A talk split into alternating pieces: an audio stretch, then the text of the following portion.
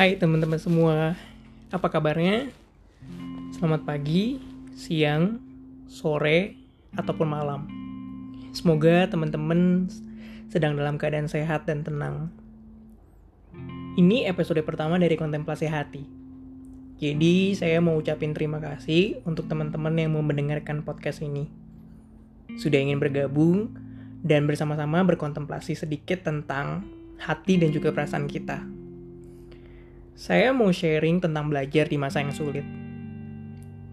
Apa yang teman-teman rasain selama pandemi ini? Pelajaran apa yang kira-kira bisa dipetik? Hal-hal apa yang teman-teman sudah lakukan? Mungkin hobi yang selama ini ketunda, atau mungkin sesuatu hal yang baru yang teman-teman selama ini belum lakukan, terus sudah berhasil dilakukan pada saat pandemi. Selamat buat teman-teman yang sudah belajar mengenai hal-hal baru. Itu langkah awal teman-teman untuk setidaknya bertahan dan berjuang di masa yang sulit ini. Ini hari ke-67 buat saya untuk WFH alias kerja dari rumah. Hmm, kalau saya sendiri ada beberapa hal baru yang saya pelajari, mulai dari ikut online course, terus baca buku, belajar edit foto, dan desain via aplikasi. Oh ya, sempat belajar masak juga, meskipun cuma sedikit. Terus selama pandemi ini, kalau teman-teman ngerasain, itu kita merasakan kangennya dengan teman-teman di kantor. Ngobrolin kerjaan, sampai hal-hal yang gak penting, bercanda, terus hangout sekedar cari makan malam setelah jam kerja atau ngopi-ngopi di coffee shop kesukaan kita. Saya sendiri punya grup khusus di mana grup ini berisikan teman-teman yang suka makan, dan kita selalu sempetin waktu untuk makan malam after office ke restoran favorit kita atau sekedar cobain kuliner baru. Nah, bahkan di dalam grup ini itu ada temen yang sudah resign tapi kita masih sering kontak, terutama dalam hal nyobain makanan baru atau ya nikmatin restoran favorit kita. Kita jadi sadar kalau keberadaan temen itu penting kita jadi sadar bahwa kita nggak bisa hidup sendiri. Kita sadar kalau momen-momen yang kita lewatin itu berharga dan gak bisa diputar kembali. Kita jadi sadar bahwa berada dengan teman-teman terdekat kita membuat kita sejenak melupakan masalah-masalah yang ada di kantor atau bahkan di kehidupan kita.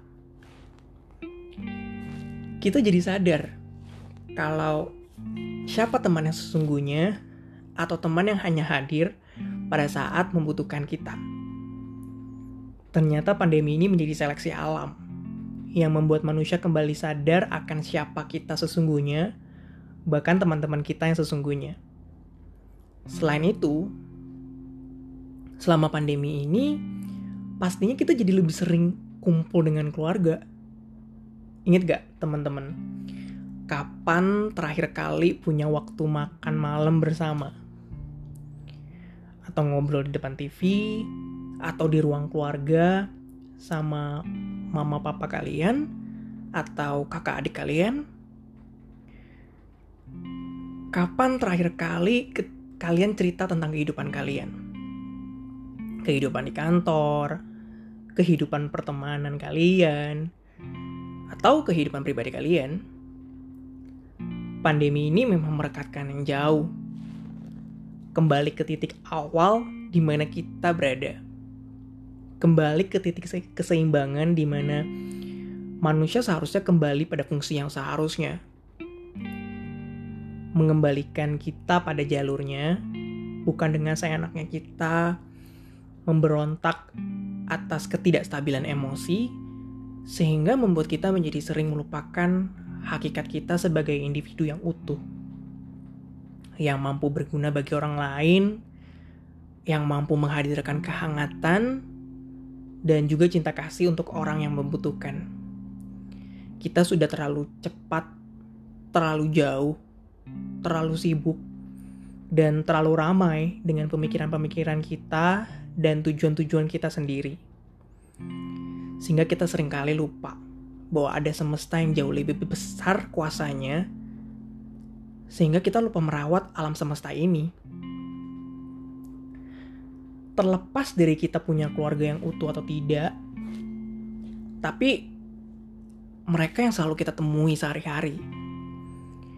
Mereka yang selalu ada satu kali 24 jam yang sebenarnya kalau kalian mau aja nyempetin waktu untuk berbagi atau ngobrol dengan mereka, mereka akan selalu ada untuk kita gak ada keluarga yang ideal atau sempurna. Tapi satu hal yang pasti, kalau keluarga itu tempat di mana kita selalu nyaman, gak pernah kita berpura-pura menjadi seseorang di dalam keluarga, kita bisa menjadi diri kita sendiri, terlepas kita hanya di dalam kamar, kita mau nyanyi sekeras-kerasnya, kita menari, kita memasak makanan baru, atau sekedar melepas penat dan hilang dalam imajinasi sesaat di dalam kamar kita. Terlepas dari diri kita yang pendiam atau introvert, atau kita yang lebih suka ngobrol atau ekstrovert, tapi semua hal kita lakukan bermula di dalam rumah.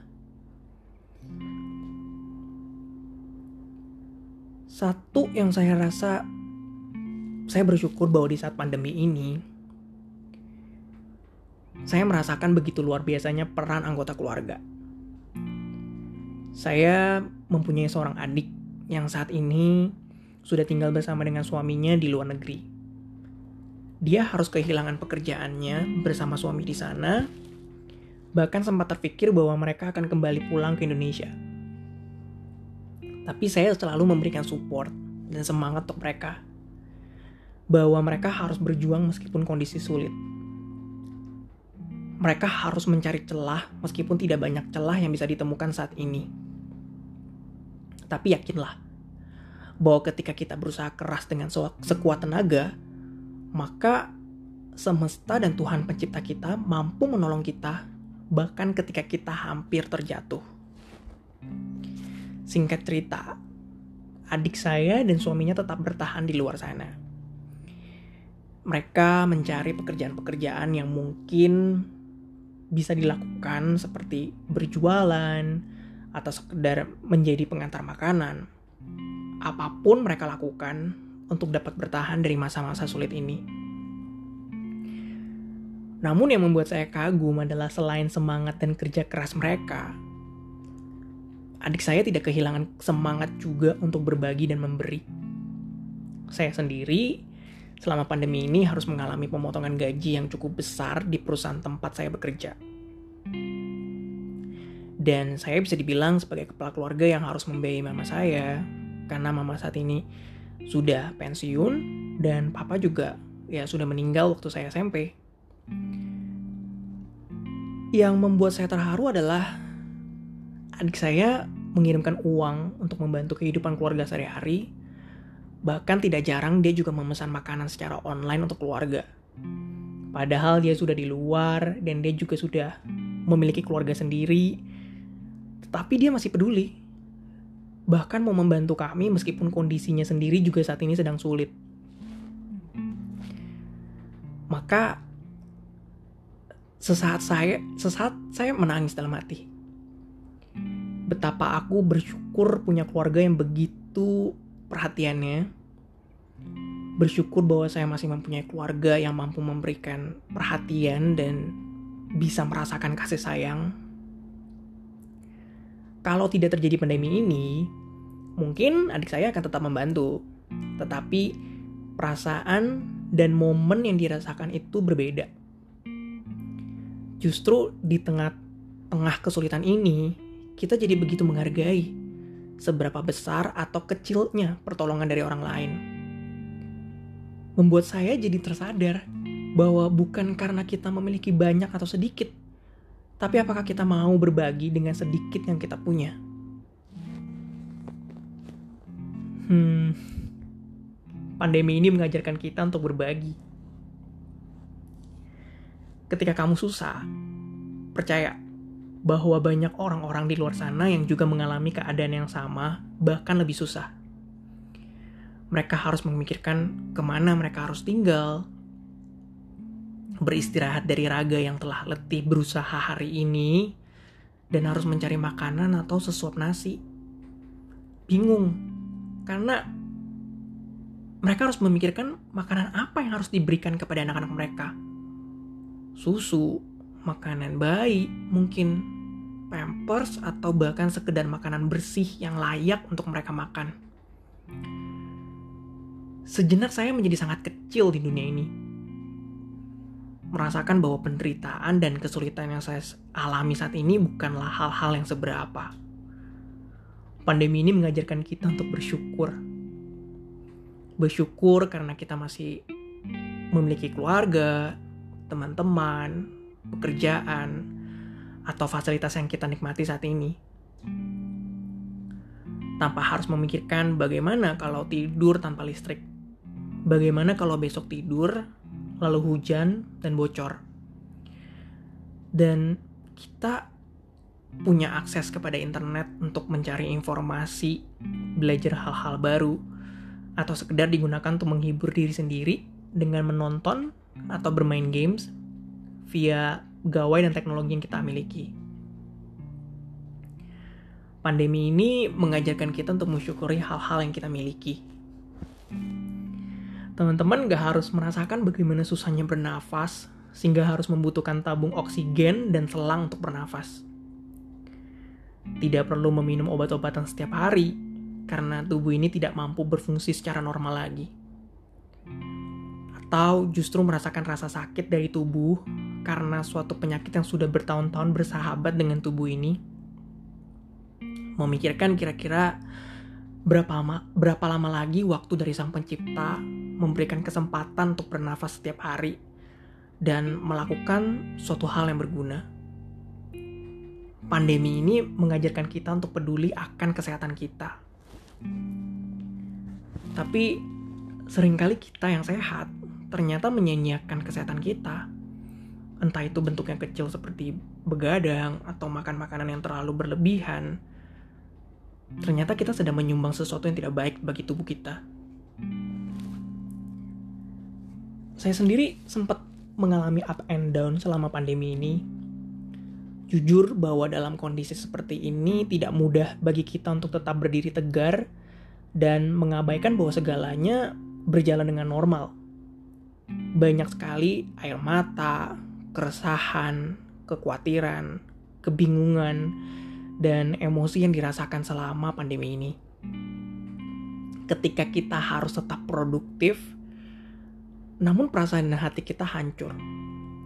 Bagaimana kita harus tetap perform atau melakukan tugas dengan sebaik-baiknya, tapi ternyata kondisi keluarga kita mungkin sedang berantakan, atau kita sedang bertengkar dengan pasangan kita, belum lagi masalah ekonomi yang mulai menghantui dan muncul tiba-tiba tanpa kita harapkan dan kita tidak tahu cara untuk menyikapinya karena kita tidak siap bahwa ini datang tiba-tiba.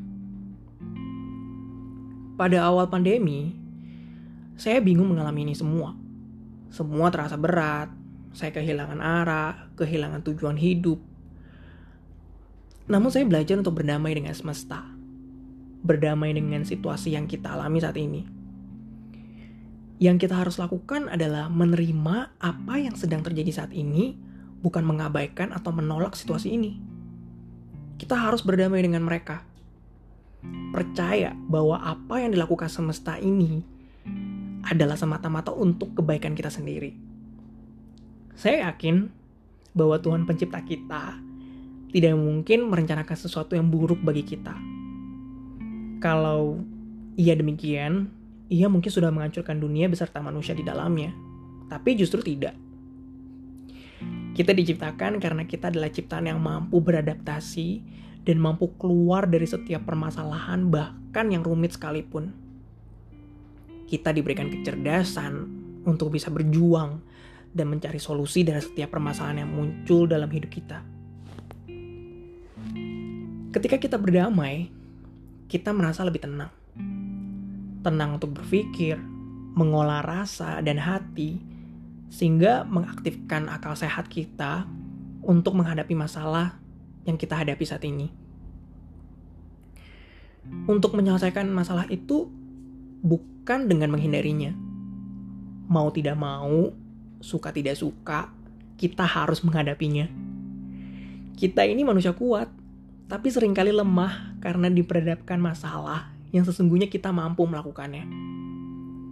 Tetapi karena sifat manusia yang tidak suka dengan perubahan, sering kali kita tenggelam dalam pikiran kita bahwa bagaimana kalau kita gagal?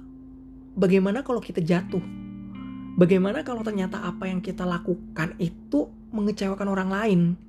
bagaimana dan bagaimana tidak habisnya. Namun bukan berarti kita tidak boleh menjadi rapuh. Bukan tidak boleh kita menangis atau terpuruk karena masalah yang kita, hada kita hadapi terlalu berat. Tapi ingat, bahwa kita hadir di dunia ini karena suatu tujuan. Tidak ada dari kita yang diciptakan sama. Bahkan anak kembar sekalipun memiliki sifat dan karakter yang berbeda. Itulah kita kita diizinkan hadir ke dalam dunia ini oleh Sang Pencipta karena Ia menginginkannya. Tahu kan kalau teman-teman secara biologis kita ini hasil dari perjuangan berjuta-juta sperma yang berhasil masuk ke dalam sel telur. Dari jutaan sperma itu hanya satu yang mampu masuk ke dalam sel telur. Atau dua atau beberapa jika mereka memiliki saudara kembar. Karena itu kita adalah seorang pemenang, bahkan sejak kita di dalam kandungan. Begitu luar biasanya Tuhan menginginkan kita hadir di dalam dunia ini.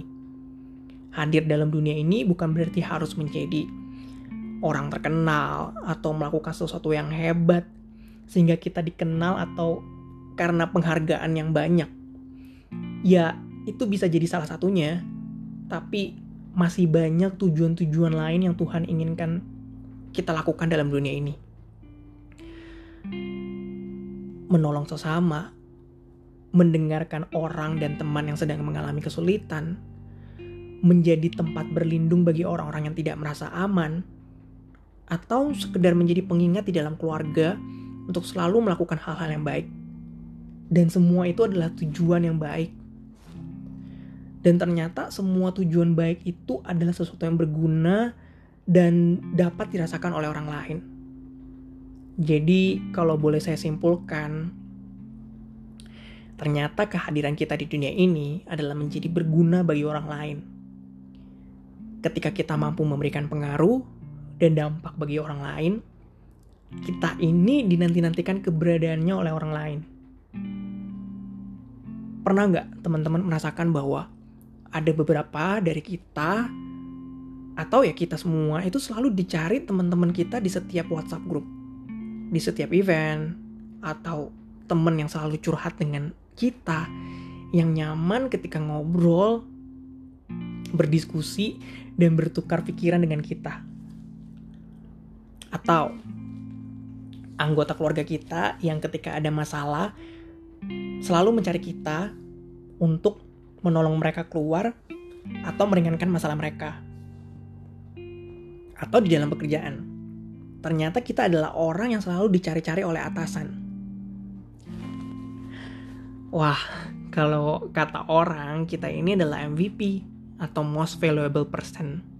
Dan ternyata bukan hanya sebagian dari kita, tapi kita, teman-teman semua ini adalah MVP atau orang-orang yang dinantikan oleh orang lain. Mau itu hanya satu orang atau beberapa bahkan banyak orang sekalipun. Kehadiran kita ternyata berguna bagi orang tersebut. Pandemi ini mengajarkan kita bahwa hidup yang Tuhan berikan itu sesuatu yang berharga. Kita ini pemenang. Kita hadir karena suatu alasan. Terlepas dari status, pekerjaan, dan apa yang sudah dilakukan oleh kita selama ini, kita ini dimampukan untuk keluar dari setiap permasalahan karena itu sayang kan kalau kita hanya menyia-nyiakannya. Apa pun yang teman-teman lakukan saat ini, baik itu pekerjaan yang kecil sekalipun, maka lakukan yang terbaik. dan terus lakukanlah. Kamu akan terkejut suatu hari nanti Tuhan membawa kamu ke suatu tempat yang gak pernah kamu bayangkan sebelumnya atau membawa kamu kepada suatu kondisi di mana banyak orang-orang yang terbantu, banyak orang yang bahagia karena kamu, banyak orang yang membutuhkan kamu, banyak orang yang tidak bisa hidup tanpa kamu. Kamu itu pemberi senyum dan kebahagiaan bagi orang lain yang sedang lelah, gundah, dan frustasi.